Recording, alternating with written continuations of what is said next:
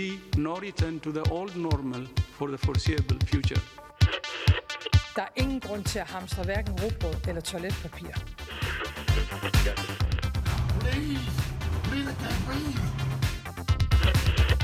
No politician in history has been treated worse.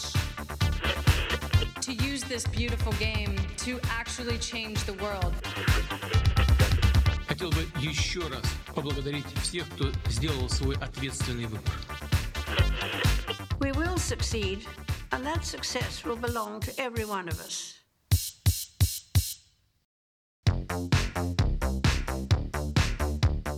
Góðan dag kæru hlustendur, þeir að hlusta á heimskviður. Ég heiti Guðmundubjörn Þorbjörnsson. Og ég heiti Birta Björnsdóttir. Í heimskviðum er fjallað um það sem gerist ekki á Íslandi.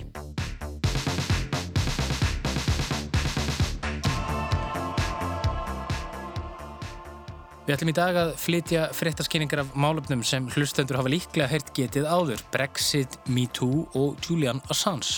Já, ég veit, þetta hljóma svolítið eins og endurflutu þáttur frá því fyrir nokkrum árum með við umfyllunarefnin, en það er alls ekki svo. Nei, það er rétt, það er enn líf og fjör í að þér veriðist henni endalösu vegferð breyta að komast úr Evrópusambandinu, eins og Hallgrimur Indriðarsson segir okkur betur frá og eftir.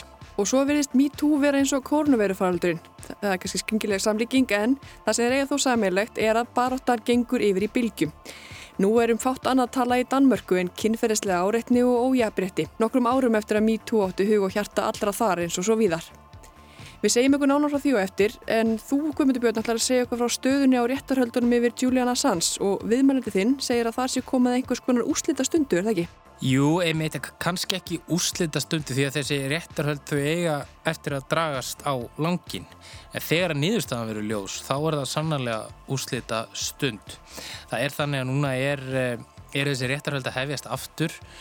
Þau átt að hefjast aftur í mæ, en það frestaðist vegna kórnuverunar og það er svona ímislegt búið að gerast. Bandarækistjórn laði fram nýja framsalsbeðni, nýtt ákjæru skjall gegn Assange og ég rætti við Kristinn Rapsson sem er reitstjóri Wikileaks um þessi réttarhöld en hann er í Lundunum og hann gengur svo nátt að segja að ég verði Assange fundin segur og uh, framseldur til bandarækjara þá muni það í rauninni gjörbreyta öllu landslægi fyrir fréttamenn í framtíðinni og hann vil meina að þeir fréttamenn sem fjalli um álefni bandaríkjana munu aldrei geta frjálst höfðu strókið.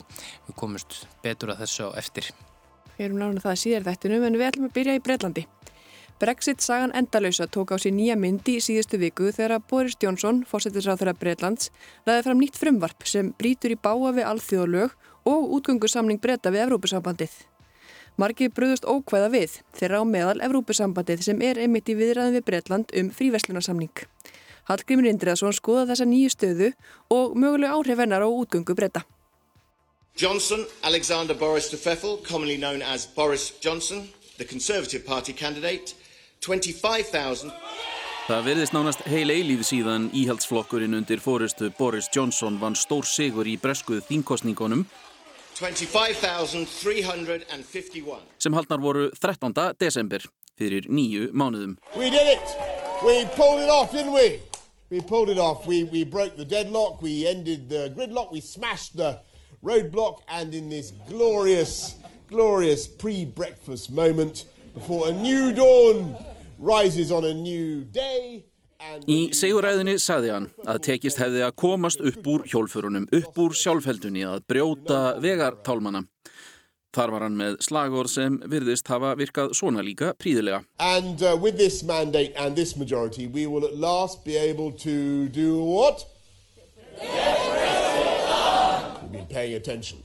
Uh, this, this election means that getting Brexit done is now the irrefutable, irresistible, unarguable decision of the British people. Verkefnið var einfalt, eða það var allavega einfalt að segja það. Koma Breitlandi út úr Evrópusambandinu. Klára ferlið sem hófst 2016 þegar breytar samþyktu í þjóðratkvæðagreyslu að yfirgefa Evrópusambandið. Og breska þjóðin hlustaði greinilega jafnvel og stuðningsmennir sem þarna heyrðist í. Því íhaldsflokkurinn fekk drjúan meiri hluta á þingi. Nú, nýju mánuðum setna, er málið komið í sjálfheldu sem við komum betur inn á síðar. Boris Johnson sagði jafnframt í þessari sömu ræðu í desember að mörgum árum hefði verið sóað í umræðum um þetta mál. Because we politicians have squandered the last three years, three and a half years in squabbles about Brexit. We've even been arguing about arguing and about the tone of our arguments. I will put an end to all that nonsense and we will get Brexit done on time by the 31st of January. No ifs, no buts, no maybes. Leaving the European Union as one United Kingdom. Við höfum meira að segja verið að rífast um rifrildi og tónin í rifrildunum. Ég ætla að stoppa þessa vitleysu. Bretar verða komnir út úr Európusambandinu 30. á 1. janúar. Búið mál, allt breska konungsríkið. Nú, nýju mánuðum setna, er rifrildinu ekki lokið. Bretland fór vissulega formlega út úr Európusambandinu 30. á 1. janúar síðastliðin. En málinu er alls ekki lokið. Útgöngusamningurinn sem var afgreitur á breska þinginu skömmu eftir kostningarnar, við förum nánar yfir hann á eftir, gaf aðlöguna tíma til loka þessa árs og brettar eru bundnir af reglum sambandsins þangað til. Þessi aðlöguna tími átti að vera tvö ár, en rifrildið um útgönguna sem Johnson talaði um stitti þannan aðlöguna tíma í 11 mánuði. Stjórnvöld í London hafa þver neitað að framlengja þann tíma. Á meðan átti að semja um viðskiptarsamband breyta á Európusambandsins eftir að aðlöguna tímabilinu líki, nokkuð sem margir efuðust um að næðist á aðeins 11 mánuðum. Og þær efasemdir virðast á rökum reistar því þrátt fyrir nokkrar viðræðulótur hillir ekki enn undir samning.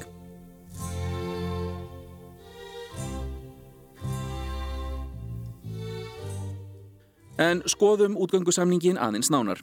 Hann gengur meðal annars út á að tryggja að þeir ríkisborgarar Európusambandsins og Európska efnahagsvæðisins sem þegar búa í Breitlandi og brettar sem búa innan svæðisins haldi sínum réttindum að ákveðnum skilirðum uppfylltum. En það ákveði sem mest er í umræðinni núna út af nýjustu tíðindum varða Norður Írland. Það hefur í gegnum allt þetta ferli verið erfiðasta úrlausnarefnið þar sem útgangan þýðir að Írska eigin verður enn tvískiptari en áður. Norður Írland er jú á leið út úr Európusambandinu með öðrum löndum Stóra Breitlands og meðan Írland er enn í Európusambandinu. Brettar og Európusambandið voru sammála um að ekki ætti að koma upp hörðu landamæra eftirliti milli Írlands og Norður Írlands. Því slíkt gæti orði til þess að átök sem voru mjög hörðar á 8. og 9. áratug síðustu aldar blossuðu upp aftur. Friðarsamningur frá 1998 sem hefur verið kendur við förstu daginn langa gekk meðal annars út á að afnema allt slíkt eftirlit. Upphálega var stemt að því að Breitland yrði reynlega áfram hluti af viðskiptakerfi Európusambandsins en því höfnuðu útgöngu sinnar alfarið. Lendingin var að Norður Írland yrði áfram hluti af innri markaði Európusambandsins og ekkert tollaeftirlit færi fram á landamærum Írlands og Norður Írlands. Hinsegar þyrti slíkt eftirlit milli Norður Írlands og Breitlandsegja. Þá þurfa brettar að fylgja Európusambandsreglum um aðstóð til fyrirtækja á Norður-Írlandi. If the EU is going to insist on, on customs checks as we come out, as it, as it, as it is, then uh, we will have to accept that reality and there will have to be a system for customs checks away from the border. Boris Johnson sagði þegar verið var að gera þennan samning að breytar yrðu að sætta sig við það ef Evrópusambandið stæði fast á því að hafa tollaeftillit á Írsku eiginni. Það var sett saman sérstök nefnd með fulltrúum breyta og Evrópusambandsins til að leysa vandamál sem uppkynnu að koma í þessum viðskiptum. Evrópusambandið fengi svo yfir sín yfir ríkisaðstóð til fyrirtækja á Norðurílandi sem gætu haft áhrif á önnur tengd fyrirtæki í Breitlandi. Þetta var leið sem Theresa May, forveri Boris Johnson, hafði hafnað þar sem hún vildi ekki að Norðuríland yrði skilið frá Breitlandi.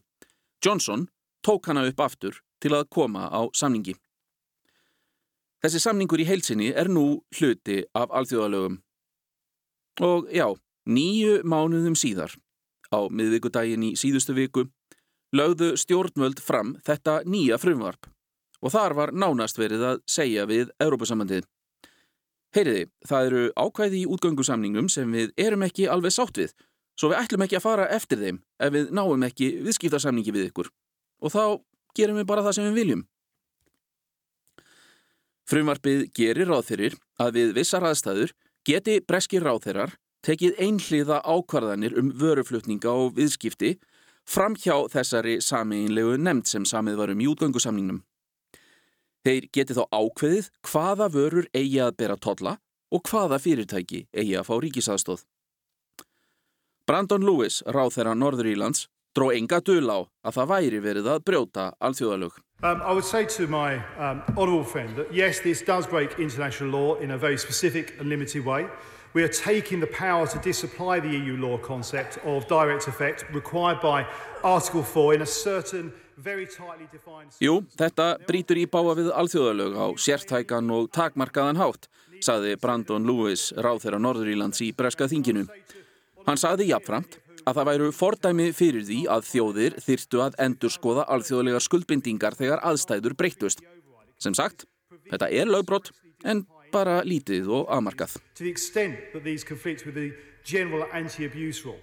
Boris Johnson hefur sagt á þinginu að lagasetningin sé nöðsynleg til að Breitland haldi virðingu sinni á samt því að venda friðin á Norður Írlandi. Frumvarpið verði það að lögum skapi öryggisnett til að venda landið gegn öfgakendum tólkunum á samningsákvæðum sem myndu í raun þýða ströng landamæri milli breska meginlandsins og Norðurílands. I regret to have to tell the House that in recent months the EU has suggested that it is willing to go to extreme and unreasonable lengths. Johnson segir Európusambandið hafa gefið það til kynna að tólkun ákvæðisins verði tegð kyrfilega til að tryggja samningsstöðu sambandsins í viðræðunum um frívaslunarsamning við breyta. Það þýðir í stöttu máli að vörur frá Norðurílandi til Breitlands verði tollaðar að fullu þó að Norðuríland sé hluti af Breitlandi. Matarsendingar verði jafnvel stoppaðar. En hvað skýrir þetta óvænta útspil breskra stjórnvalda? Til að fá skýringar á því höfum við samband við mann sem hefur skoðað þessa hluti gömgefilega. My name is Tim Bale and I am Deputy Director of the UK in Changing Europe here in Great Britain. Tim Bale er varaforstöðumadur stopnunar sem heitir UK in a Changing Europe og háðra rannsóknarstopnunar sem fjallar um tengsl Breitlands og Európusambandsins. Hann segir ímsar tilgátur uppi um hvers vegna þetta frumvarp kemur fram núna. First is that the government um, rushed into signing the withdrawal agreement without really understanding uh, the implications that uh, the Northern Ireland Protocol would have for uh, British business and in particular the government's ability to subsidise British business. That's one possibility. Ein ástæðan gæti verið að ríkistjórnin skrifaði í flíti undir útgöngusamningin án þess að skilja hversu mikla erfiðleika ákvæðið um Norðuríland skapaði fyrir bresk fyrirtæki.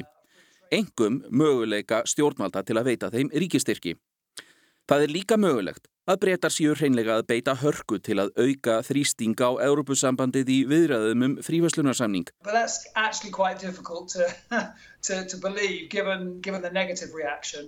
Sem ég tel reyndar ótrúlegt. Is that Uh, Boris Johnson wants to signal to his own uh, backbenchers. Þriðji möguleikin er að þetta sé til heimabrúks. Boris Johnson vilji sína baklandi sínu, engum þeim sem eru fylgjandi útgöngunni, að hann sé að beita sér af hörku.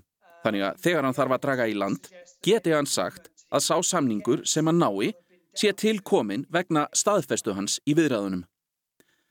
Tim Bale gefur lítið fyrir þær skýringar Johnsons að Európusambandið sé að hóta því að sendingar á mat og öðru slíku verði stoppaðar milli Norðurílands og Breitlandsegja.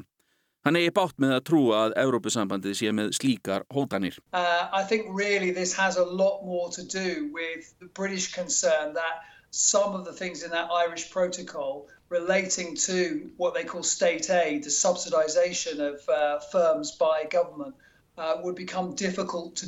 Málið snýst frekar um þær áhyggjur breyta að það verði mun erfiðara að niðurgreiða atvinnustarfsemi þar sem sum bresk fyrirtæki eru með höfuðstöðvar á Norðurílandi eða stunda þar viðskipti. Þar með hefur reglu sem gildu þar áhrif á þau fyrirtæki. Bale bendir hins vegar á að þetta totla eftirlit millir Norðurílands og Breitlands hafi verið talin besta leiðin úr ógöngunum þegar útgöngusamningnum var náð. Stjórnmöld þurfi að lifa með því.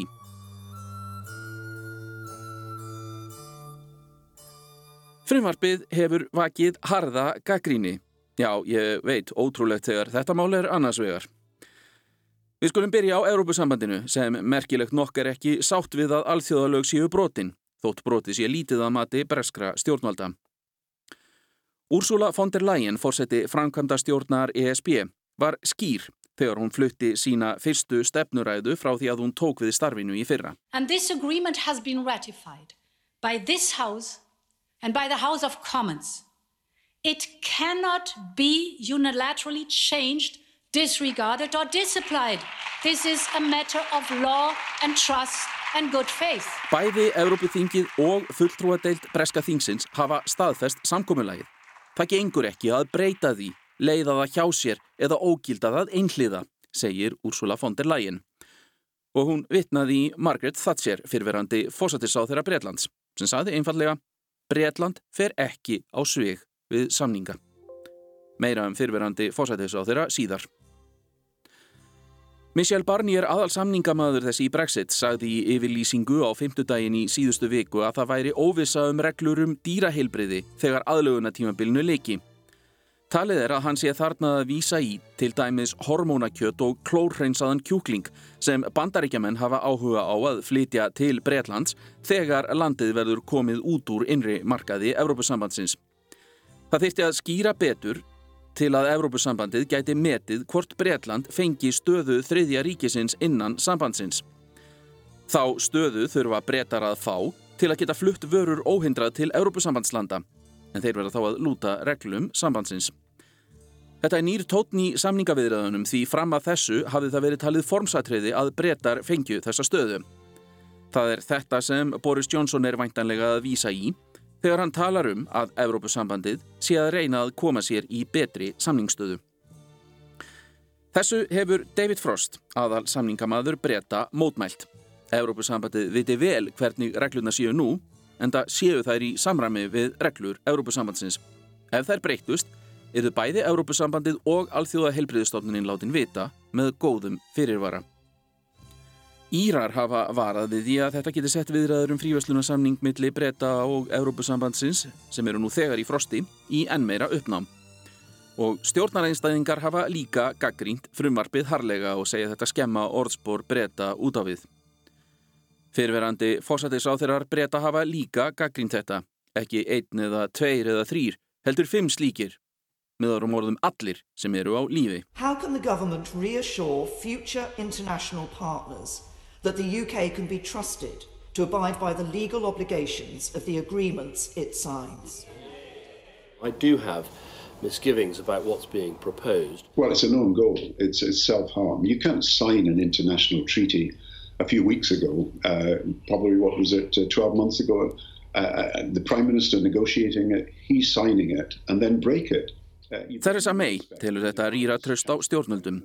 David Cameron, sá sem ákvaða þjóðaratkvaðagreislanum útgangu breyta erið haldinn og saði svo af sér þegar útgangu var samþýgt, hefur evasemdir. Gordon Brown talar um sjálfsmark. Það sé ekki hægt að skrifa undir samning og brjóta síðan hann sama samning. Að auki skrifuðu Tony Blair og John Major sameinlega grein í Sunday Times um síðustu helgi. Þar sem þeir segja að þetta styrki ekki samkominnlægið um Norðuríland frá 1998, heldur grafið þvert á móti undan því. Og það er meira að segja anstaða við málið í flokki Johnson sjálfs, íhaldsflokknum.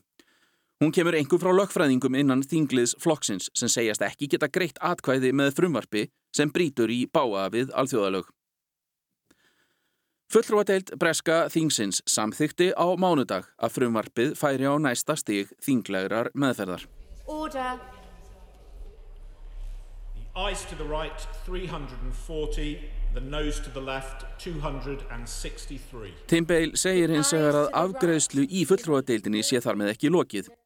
Þingnemdir eigi eftir að fara í gegnum frumvarpið og þær geta lagt til breytingar. We could therefore see some change made at that point. There are some Conservative MPs who want Parliament to have the final say on uh, whether we essentially break international law. Bale segir að þar gætu orðið breytingar á frumvarpinu. Það eru nokkrir þingmenn íhalsflokksins sem vilja að þingið hafi loku orðið um hvort alþjóðalög verði brotin. Síðan fer frumvarpið fyrir lávarðadeildina og þar gætu fleiri breytingar komið inn. Breytingar sem gætu jafnvel gert frumvarpið að engu. Þegar Bale er spurður nánar út í þetta, segir hann að stundum verði breytingar á frumvarpið það yfirgrusmiklar að ríkistjórnin ákveði að draga það tilbaka. I would still probably put my money on the bill going through but in some kind of amended form. Ég myndi þó sjálfur veðja á að frumvarpið verði að lögum en í mjög breyttu formi. Stjórnöld gætu á þeim tíma ákveðið að það væri betra að frumvarpið færi í gegn með þeim breytingum en að draga það algjörlega tilbaka. Bale segir að verði þetta niðurstaðan er það vissulega neyðalegt fyrir Johnson. En það væri þó ekki í fyrsta sinn. Stjórnvöld hefðu tekið uppeyju í ýmsum málum síðustu vikur. It will be awkward for him, but perhaps less awkward in the end than a, a huge rebellion on his own side about breaking international law. Það yrði vissulega óþægilegt fyrir Johnson, en kannski ekki eins óþægilegt og að glíma við uppreist eigin þingmanna gegn því að brjóta alþjóðalög. En hvað gerir þá Európusambandið? I think the EU are, to be honest, completely furious about this. It was completely unexpected. Uh, they regard it as a breach of faith as well. Európusambandið er brjálaði við þessu, segir Tim Bale. Það lítur ekki aðeins á þetta sem lögbrot, heldur hafi breytar líka brúðist trösti. Európusambandið vill enn ná frívaslunarsamningi við breyta, en taka því ekki þegjandi ef frumvarpið í sinni endanlegu mynd brítur í báa við útgöngusamningin. En þó að atbyrðarásinn hafi aukið líkurnar á að breytar gangi út án samnings, telur Bale enn að það sé möguleiki á að frívæslunarsamningur náist. I would still, in the end, bet on us getting together with the EU to iron out some kind of compromise and come to a free trade agreement. But certainly, I think the chances of us leaving without a deal have increased over the last week.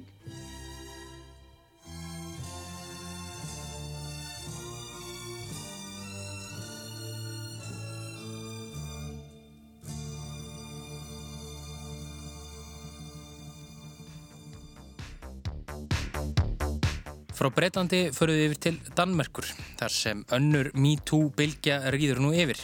Á annað þúsund konur í fjölmjölum þar í landi lýsa yfir stuðningi við nýlega frásögn Sofí Linde af áreitni og misrétti í starfi sínu. Allir verðast sammála um að kynbundið misrétti og áreitni hegi ekki að viðgangast í Danmörku, en það verðist hægar satt en gert að uppræta það. Birta Björnsdóttir fjallar á málið.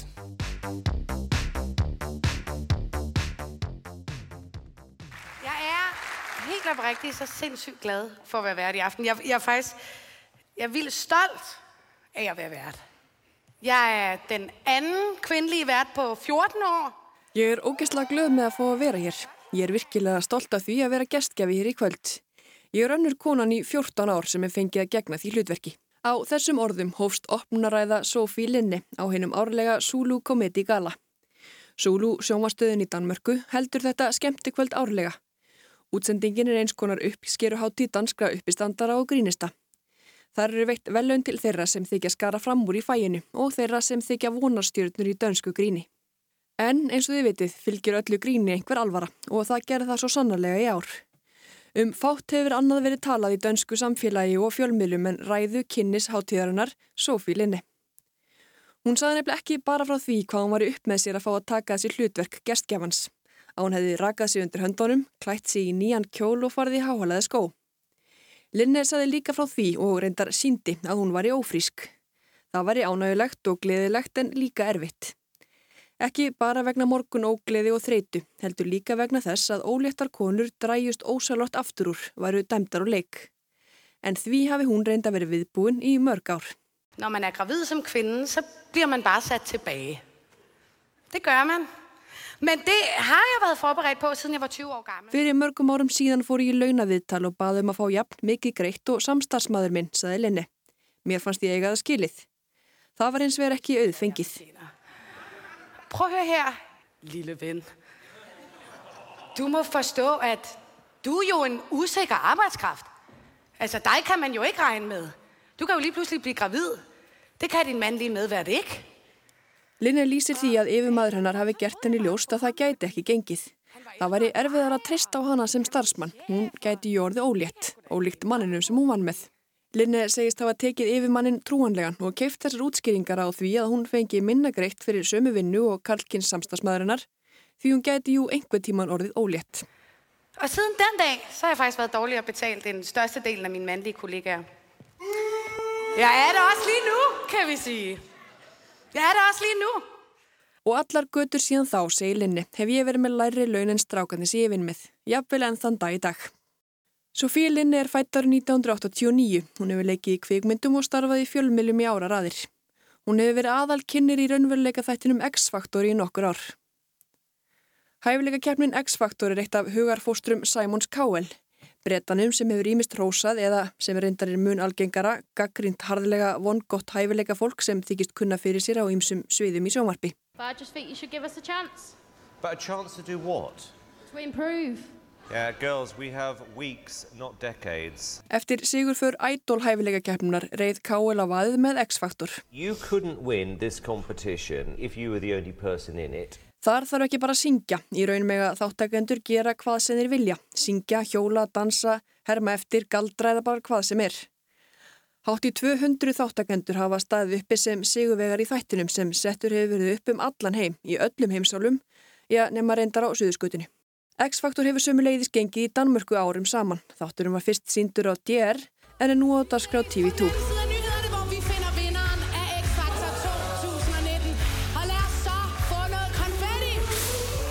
Og Sofí Linne segist nýlega hafa farið í launaviðtal þar líka, svona eins og þarna í gamla daga. Yfir menn hennar hafi tekið launakröfum hennar með nokkuru undrun og sagt henni að ef þau gengið á kröfum hennar, er hún hæst launaðasta konan. Bedst betalte kvinde. Det er meget. Det er det samme som at være verdens højeste dværg. Den drukner der lynhurtigt. Altså, det er da lige meget. Der er jo stadigvæk virkelig mange mænd foran mig, der får mere. Já, að vera hæst launaðasta konan er sambarlegt því að vera hæsti dvergurinn. Þú druknar samt í djúbu vatni. Það eru samt ennþá urmulla körlum sem eru með hærri laun en þú, segir Sofí Linne. Vi kan sagtens lege, at der ikke er forskel på mænd og kvinder i Danmark. Den leg kan vi sagtens lege. Det er bare ikke rigtigt. Við getum vel leiki leikin að það sé jafnrétti í Danmörku og að konur og karlar fái sama viðmót og tækifæri. Þannig er það bara ekki í raunveruleikanum. Dönum er alltaf mikið í munum að hafa það huggulegt, ekki að vera með eitthvað leiðindi, ekki drepa stemminguna. Linni hefur útskýrt þetta nánar í viðtölum. Þar notar norðið hugge sexismi, notaleg kynferðslega áreitni. Það hljómar sannarlega sem þversögn en það sem hún á við er að áreitni getur oft verið beitt í gamni, pakkað inn í gott grín í góðra vinnufélaga hópi. Það sem vakt ekki síst aðtegli í ræðu Linni er ekki bara umræðunum launamun kynjana, heldur lýsingar hennar á því sem konur geta lendi viljið þær komast áfram í starfi sínu. Það er saga frá því þegar hún var 18 ára og hafði nýverið hafið störf hjá Danmarks Radio. Var þá ung og sætt og alls ekki ólétt eins og nú. Hennar orð. En historie fra dengang jeg var 18 år gammel og var startet i Danmarks Radio. Og helt vildt lækker bevares. Overhovedet ikke gravid ligesom nu. Á jólalhlaðborði DR kom einn af þungaviktar starfsmönnum stöðvarnar upp að henni. Greip í höndin á henni og sagði Ef þú kemur ekki út með mér og tóttar mig, eigðir ekki ferlinn þinn. Ég ger út af þig. Jeg drømmer om en sang, ligesom barndommens sommer, uden regnvejr og torden. Ég veit að þú ert að horfa núna og þú veist hver þú ert, ávarpaði Linne þennan ónafgrinda mann. Og þú veist líka að ég sagði nei. En mér virðist að hafa vegnað ágætlega samt sem áður. Jeg er ret sikker på, at du kigger på mig lige nu. Du ved godt selv, hvem du er. Du ved også godt, at jeg sagde nej. Men altså, det gik jo meget godt alligevel. Gjorde det ikke? Þessa frásögn hennar hafa fjölmarkar danskar konur í fjölmiðlaheiminum og reyndar víðar síðar rósaðinni fyrir að segja upphátt. Fleiri en 1600 þeirra skrifuðu undir stuðningsyfirlýsingu vegna ræðunar. Það er þekki samskona samskipti. Það er kannist við aðfinnslur, áreiti og hótanir. Þú varst bara ráðun af því þú ert svo sætt. Góðan daginn eigum við að koma að ríða. Rassinaðu lítur mjög vel út í þessum buksum. Konur get ekki gert þetta almenlega. Þetta eru nokkur dæmi um ummæli sem danskar konur hafa eftir samstarfsmönnum sínum í fjölumörgum viðtölum sem hafa byrst í flestum dönskum miðlum undanfarna daga. Mörg hafa kvart Sofílinni til að segja frá því hvaða kanóna þetta var úr röðum DR sem hótaði henni því að ferillin hennar væri á enda ef hún væri ekki til í að sjúa honum tippið á jóluhlaðborðinu. Linni hefur eins og verið ekki nafngreindan og ætlar ekki að gera það. Konunar 1615 sem skrifið undir áður nefnda stuðningsyfirlýsingu stiði hana einnig í þeirri ákverðun. Þær segja málið alls ekki snúast um þennan eina mæta mann. Öll aðtiklinn megi ekki beinast að honum heldur verði að innblýna á vandamálið sem heilt. Fyrst konurnar 1615 kannast allar við að hafa orðið fyrir einhvers konar áreitni eða misrétti kynsins vegna, ætti að vera ljósta vandamálið er til staðar. Nú reyði á að finna leiði til að uppræta vandan.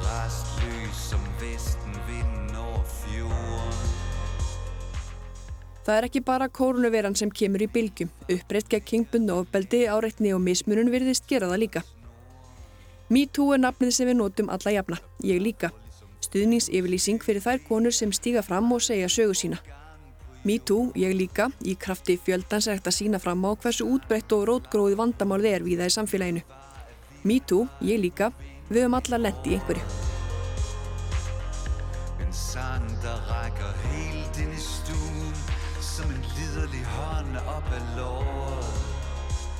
MeToo var fyrst notað í þessum tilgangi í kringum árið 2006 þegar einn bandaríska Tarana Burke vakti máls á kynferðisofbeldi á netinu gegnum samskiptamiðlinn MySpace. This is a movement about the one in four girls and the one in six boys who are sexually assaulted every year and carry those wounds into adulthood. Orðin tvö eru Burke hugleikin vegna samtals sem hún átti sent á tíunda áratögnum við unga stúlku sem leitaði til hennar. Stúlkan sagði henni frá misnótkun af hendi stjúpföðu síns og Börg hlíti á frásögnunar og kominni til ráðgjafa. Börg segist hins vegar alla tíð hafa síð eftir því að hafa ekki sagt þessi tvö orð við stúlkuna. Ég líka. Ég veit hvað þú ert að tala um, þú ert ekki einn.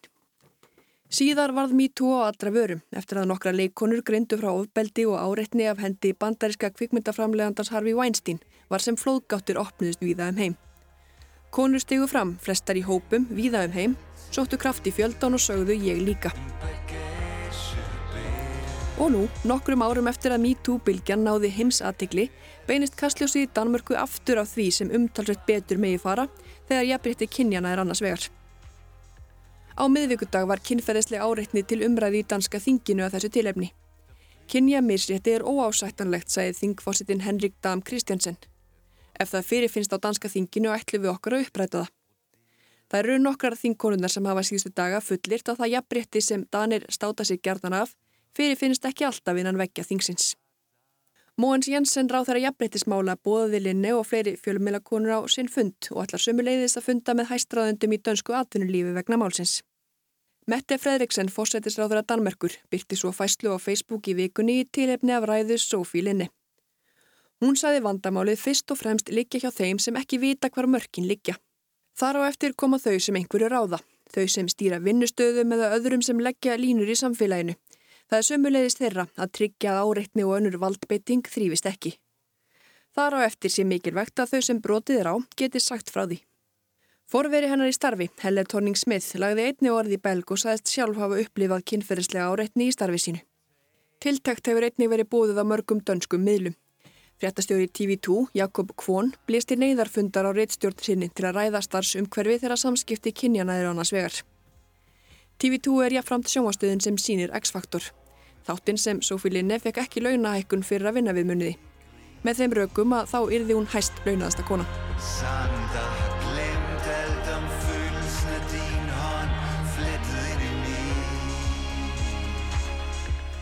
Ég veit ekki hvort samlíkingin að lítil þúfa velti oft þungur hlassi eigi verði hér. Ekki ætla ég að kalla frásagnir kvenna af áreitni og mismunum litla þúfur. En frásagnir hafa margföldunar áhrif. Þegar einn segir upphátt í hverju hún hefur lent, er það styrkur fyrir aðrar að segja samskonar sögur. Það er ekki einar. Opinberra frásagnir geta sömulegis haft þau áhrif að opna augu fólk sem býr við misrétti eða ofbeldi. Eitthvað sem fólk er orðið samdöina og telur bara vera hluta af bransanum sem það tilherir til dæmis. Á mánudag bárust hæstraðendum hjá DR bref frá tíu konum sem voru í starfsnámi á fréttastofunni þar á árunum 2015 til 2019. Þær segjast í brefinu ekki vilja þeia lengur. Þegar umræðunum þessi mál sé nú í gangi, sér rétt að sé sagt upphátt að þær hefur allar upplifað eða orði vittni að kynferðisleira áreitni á fréttastofu DR. Óumbeði nutt eða klapp á rassin sé meðal þess sem fyrrum starfsnefnarnir hafi upplifað. Það skrifa allar undir brefið en þegar fjölmiðlar vildu fjallaðu um málið og heyra þeirra hlið vildu einungis fjóra þeirra koma fram undir nafni. Hinnara voru hrættar um að fækka atvinnumöguleikum sínum innan bransans vera konunnar sem er með vesen. Það kallast á við ræðu Sophie Linne. Hún saði nokkrum sinnum, ég vil ekki vera að drepa stemminguna, ég vil ekki vera með eitthvað leiðindi í þetta. En eins og síðast, allir eru sammálum að breytinga sér þörf. Fréttastjórar, ráþerar og fleiri og fleiri eru á einu málu um að þetta sé ólíðandi. Launamunur kynjana, kynbundin áreitni og ofbeldi. Þetta eigi ekki að fyrirfinnast. Lög og reglur, umræða og vitundavakning, allt er þetta auðvitað mjög gott og blessað. En ætli fósættisráþurann Fredriksson hafi ekki hitt naglan á höfuðið. Vandinni liggur fyrst og fremst hjá þeim sem tel að sér í sjálfsvald sett hvar mörk í samskiptum liggja. Þeirra sem ekki virða mörk annara og þeirra sem láta það óreitt.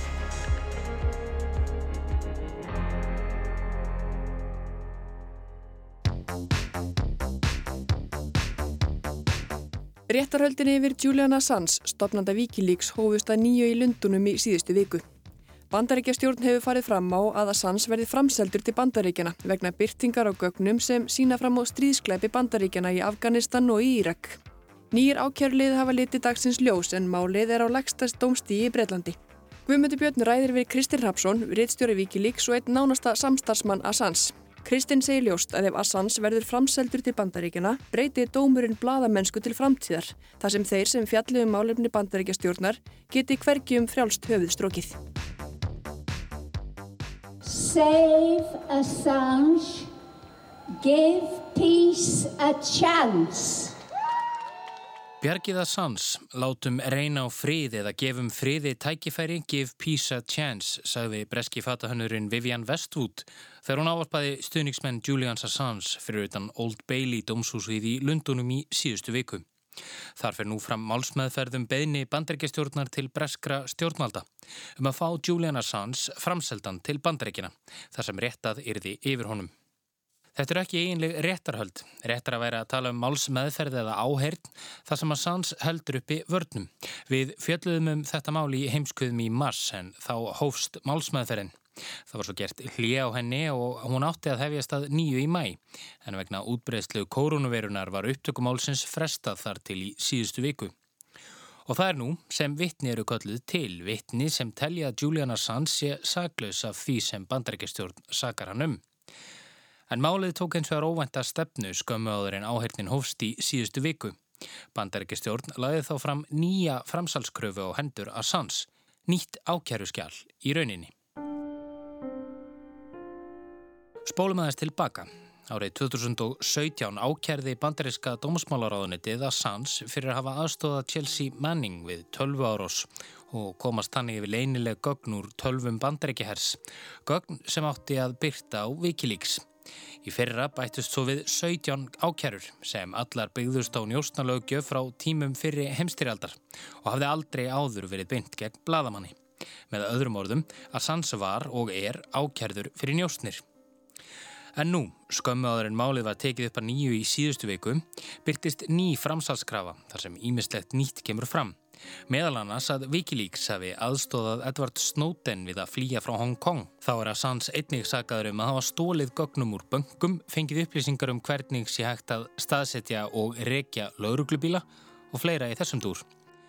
Kristinn Rapsson, reittstjóri Wikileaks og eitt nánasti samstagsmaður að Sands, er viðstættur málflutningin í Lundunum. Ég sló á þráðum til Kristins sem segir enginilegt að nú sé bandarækjastjórn að draga upp á dekk hluti sem séu óskildir upphaflegum ákjærum. Eh, það er makalust að eftir tíu ára rannsóknarvinnu þar sem að reyndið vera verðað við hverjum einasta steini í, í því að finna eitthvað eh, á Wikileaks og Julian Assange að þá skulum menn dyrfast eh, að, að breyta um, um, um tækni. Ég er rétt áður en að þessu framhaldið. Segir Kristinn, það sé verið að reyna að draga frekar úr sangleikskildi þess að það sem Wikileaks gerði fyrir tíu árum hafi verið eðlilegur þáttur í bladamennsku.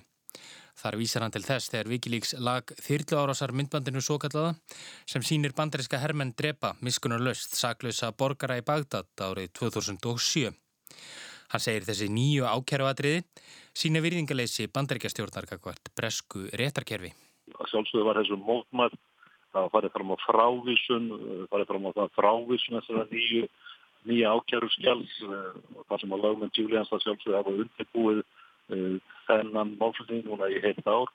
Það var ekki orðið við því, þá farið fram á frestun í nokkra vikur, ránkvæmt til að sem að menn getur undirbúa sig og sérstaklega Julian Assange sem að er hún hafa mjög, mjög takk aðgang að lögmönnum sínum í Belmarsfangelsun og hefur ekki hitt á eigin personu í sex mánuði hittið á fyrsta morgni þessa réttardags 7. september það var ekki orðið við því þannig að málun er núna framhaldið á þessum takmörkuðu fórsöndum Síðan þá hafa fjölmörg vittni stíð í pontu og fært rauk fyrir því hvers vegna að Sands ætti ekki að vera framseldur til bandaríkjana.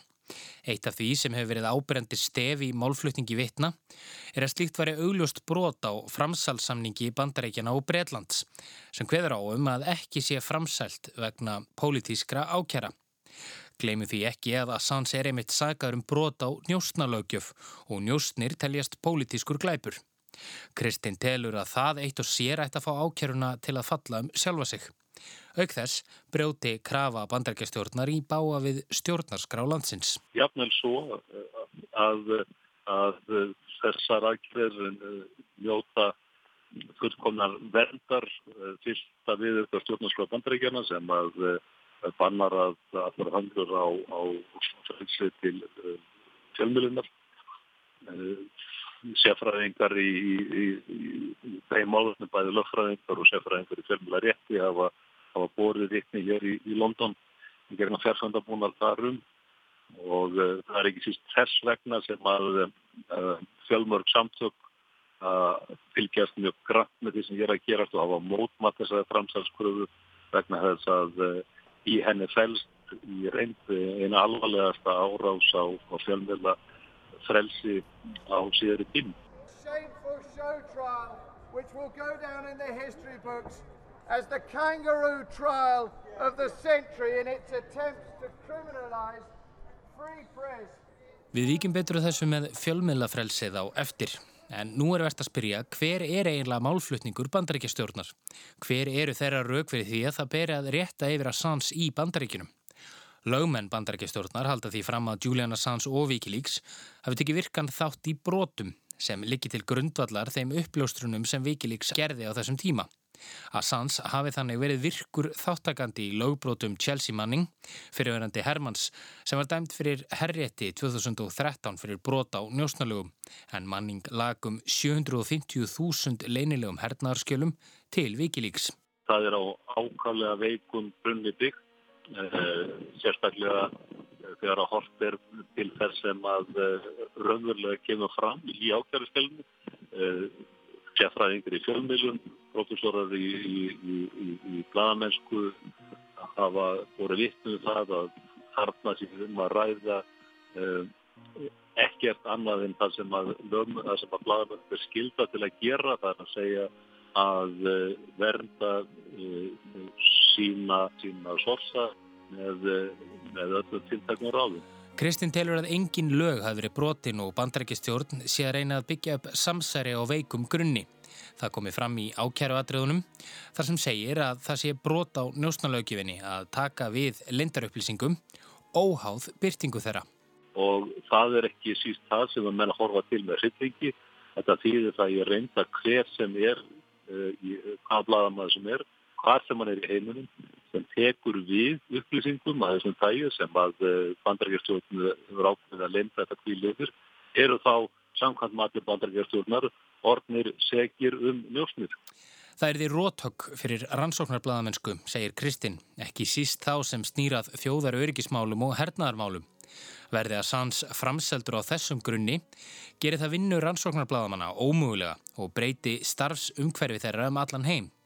Verði Assange framseldur er ekkert því til fyrirstöðu að allir sem fjalli um málefni bandaríkjana verði það líka. Það er nákvæmlega kjarni málsins að það er að senda þessi skilabóð að út um allan heim að hvað einasta blamaður sem að fyrirkist að, að fjalla um, um þessi svið sem að bandaríkjastjórn telur að, að bröðileg sínum hagsmunum með einhverjum hætti að fá sér gripið til þessari aðgerða. Kristinn segir þessa tólkun grófa mísnótkun á njósnalaugifinni sem sett hafi verið í andrumi fyrir heimstyrjaldar.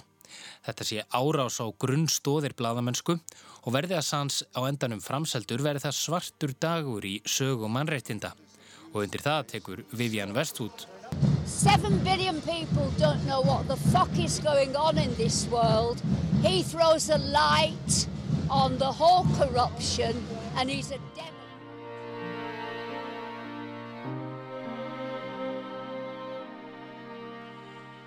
En hvað með breyta? Af hverju eru bresk stjórnvöld að taka þetta mál fyrir? Assange var jú handtekinn í sendiráði Ekvatóri í Lundunum í fyrra eftir að hafa dvalist þar frá árinu 2012.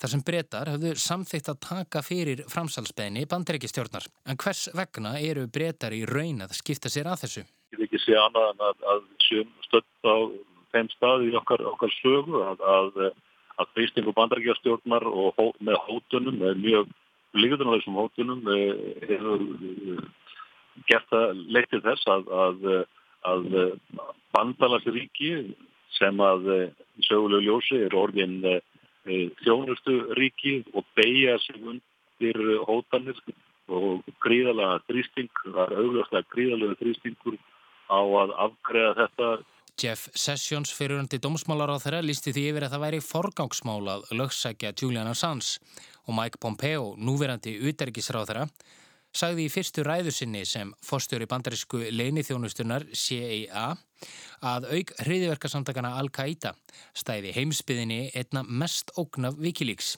hvorki meirinni minna.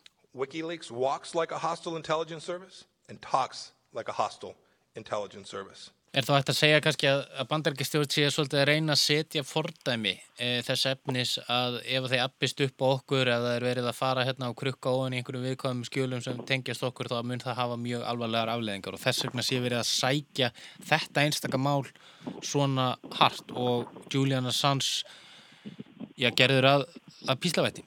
Það er alveg augljósmál og þetta er fordæmismál sem að bandarækjum er vilja að setja og gefa senda ákveðin skilabóð þetta er mafíu taktík, það er ekkit öðruðs og þeir sem var svo sem þekkja sögu undan farin ára og sjá hvað til að mynda komu upp úr um, þeim skjölum sem að um, virkilega spyrti það áþægt ekki að koma óvart. Á næstu vikum taka alls 25 vittni til máls í Old Bailey dómshúsinu, vittni sem Assange og lögmenn hans hafa valið, allt frá talsmönnum alþjóðasamtaka til lagaprófessóra. Hinga til hafa vittnin meðal annars bent á að fari svo að Assange verði framseldur eigi hann engan möguleika á réttlátri málsmeðferð í bandaríkunum.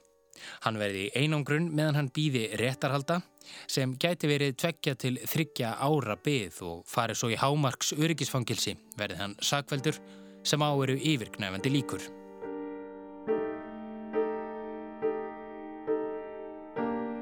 Í fyrradag tók einn 89 ára gamli Daniel Ellsberg til máls í Old Bailey dómshúsinu í Lundunum en árið 1971 lag hann Pentagon skjölunum svo kulluðu til New York Times.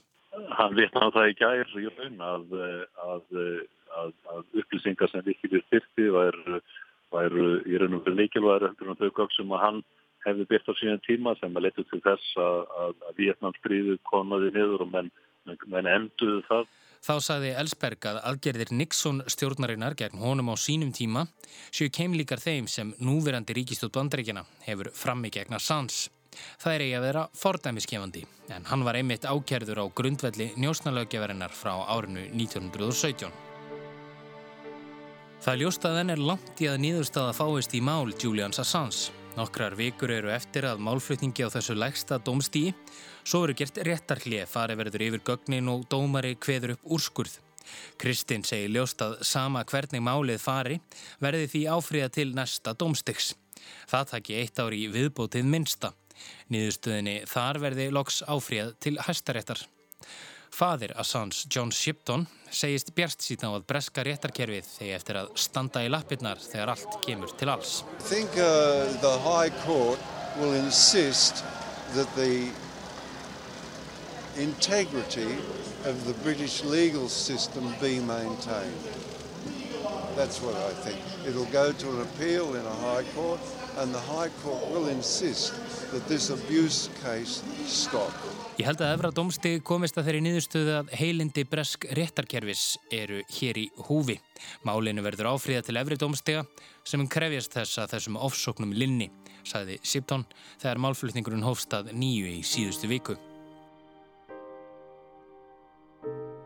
Annað sem hefur verið til umræðu er helsa Julian Assange en henni hefur hrakað mikið síðustu misseri. Kristinn Rapsson segir ljóst að allt sem á undan hefur gengið hafi haft sínilega áhrif á stopnanda Wikileaks.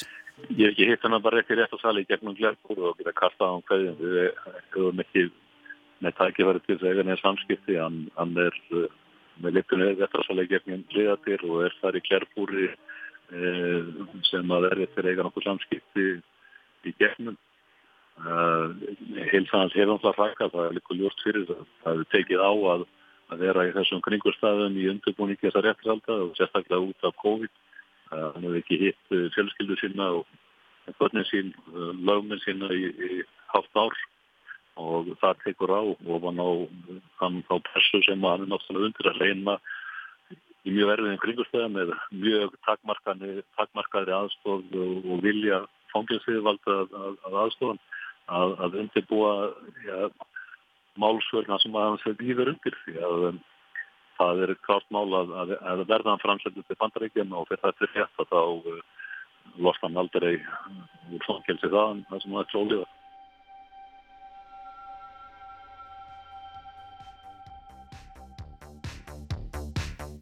Þessi umfjöllun slær lokatónun í heimskuðunar okkar að þessu sinni. Já, og við verum hér aftur á sama tíma í næstu viku, en þanga til má hlusta á þáttin og alla hérna í spilaranum á RÚF og á öllum heldri hlaðvarpsveitum. En við þökkum þeim sem hlýtu og heyrimst aftur í næstu viku.